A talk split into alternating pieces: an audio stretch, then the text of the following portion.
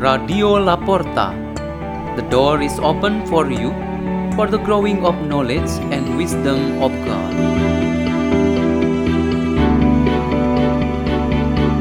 Delivered by Father Peter Tukan SDB from Salesian Bosco Kerak in Labuan Bajo, Diocese of Ruteng, Indonesia.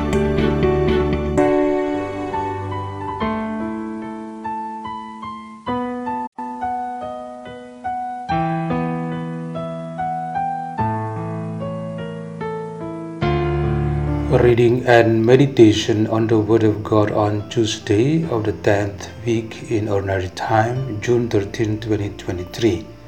Memorial of Saint Anthony of Padua, priest and doctor of the Church.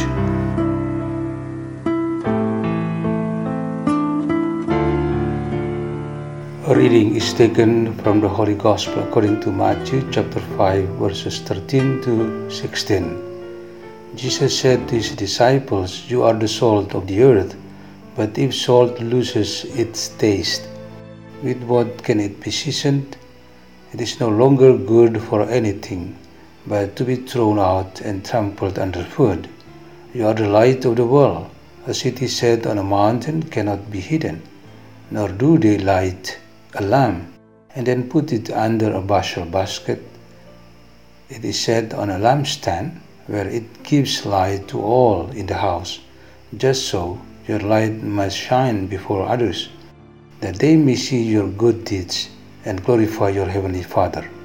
The Gospel of the Lord.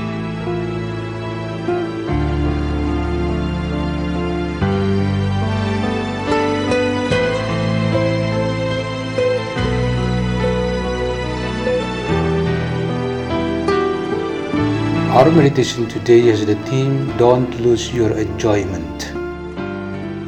Today, the whole church commemorates Saint Anthony of Padua, a Franciscan priest, an excellent preacher, an evangelist in Europe, doctor of the church, and patron saint of finding lost things. Padua is located in northern Italy. Why are saints like Anthony and his native place so loved, enjoyed, and visited endlessly by many people from over the world? The answer is because they do not lose their beauty, charm, and attractiveness like the Lord Jesus, Our Lady, Saint Joseph, Saint Paul, and so on.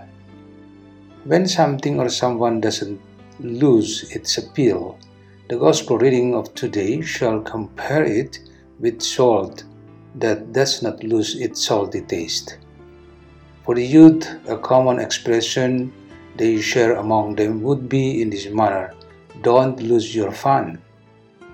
Once, in a convent after the Holy Mass in the morning, a young nun approached the pastor who had celebrated the Mass.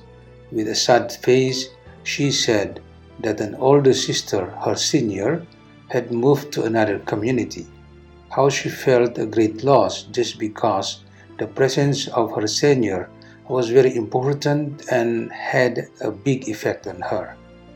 The older nun's passion as a person and as a religious became a magnet for her.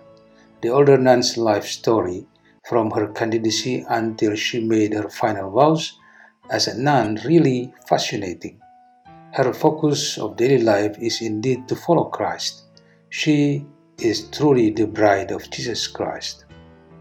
The sharing of the young nun may strengthen our belief about being attractive according to the style of Jesus Christ so that we can make our daily lives so enjoyable for everyone. So the Lord Jesus teaches us to be the salt of the world. The spirit of life that we take from Jesus Christ must not be tasteless because if it is tasteless, we can no longer be the salt to the world, or we cannot make this life on earth beauty and enjoyable. St. Paul gives us a way to preserve our saltiness. He emphasized that to all the teachings to us in truth and mystery about Jesus Christ, our response should be yes. We are not encouraged to respond no. When we answer no, we will only make our life tasteless. Our yes response already has an endorsement from God in heaven, an irrevocable and unchangeable determination. This way confirms and strengthens our callings as followers of Christ. So never lose your fun. But if it has already lost, don't worry. There is Saint Anthony of Padua who can help. Let's pray. In the name of the Father, and of the Son, and of the Holy Spirit. Amen. As your beloved sons and daughters of Father in heaven, may the blessings of your grace strengthen us always to be with your Son Jesus Christ and in the light of the Holy Spirit, salt of this world, so that all human faces can see you and all hearts praise you always in all times. Glory to the Father, and to the Son, and to the Holy Spirit, as it was in the beginning, is now, and ever shall be, world without end. Amen.